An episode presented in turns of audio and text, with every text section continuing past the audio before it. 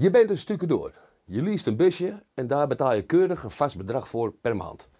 En zoals het hoort, breng je dat busje naar de garage voor onderhoud. Maar als je hem weer op wil halen, dan krijg je niet een bus mee, maar je krijgt een mini mee. Waar je gewoon absoluut geen ene aan hebt. Maar wat zeg je dan tegen zo'n bedrijf?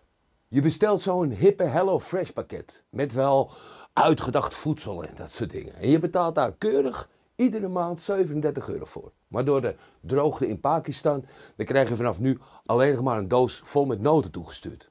Oké, wat zeg je dan tegen ze? De sportschool, waar je trouw, je contributie iedere maand aan betaalt, die heeft zoveel leden aangenomen dat er voor jou met geen mogelijkheid is om te trainen. Je kan, gewoon, je kan er gewoon niet meer naartoe. Wat zeg jij dan tegen dat bedrijf? Fuck you toch! Ik kan met betalen net zolang totdat jij je zaakjes op orde hebt.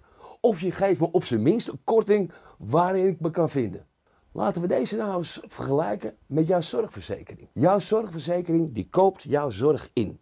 Daar betaal je een vaste premie voor per maand. En wie zijn schuld het ook is, of het nou de personeelstekorten zijn, de oorlog in de Oekraïne, of van mij zijn het vliegende mieren, rubberen banden, het boeit me echt niet. Jouw zorgverzekering kan niet meer voldoen aan wat ze zeggen te denken in de polis, simpelweg omdat het niet meer geleverd wordt. Want met die wachtlijsten van hier tot Tokio, er zijn er wel heel veel schrijnende gevallen waar medische hulp gewoon te laat was. Er zijn gewoon mensen dood gegaan en als het doorgaat, gaan er nog meer mensen dood door die wachtlijsten.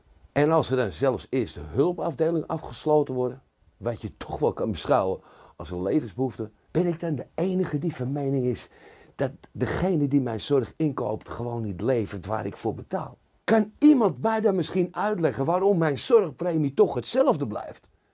Of sterker nog, waar ze het lef vandaan halen om die zorgpremie omhoog te gooien. En on top of it all moet je voor deze slechte levering ook nog eens een keer 385 euro's eigen risico betalen. Maar het aller, aller, allerergste is, je bent er verplicht ook om in deze scam mee te gaan, want anders kost je dat 426 euro boete van het Rijk. Kassa. Kijk, ik ben maar een jongen van de straat. Simpele gozer. Ja, zit niet veel in.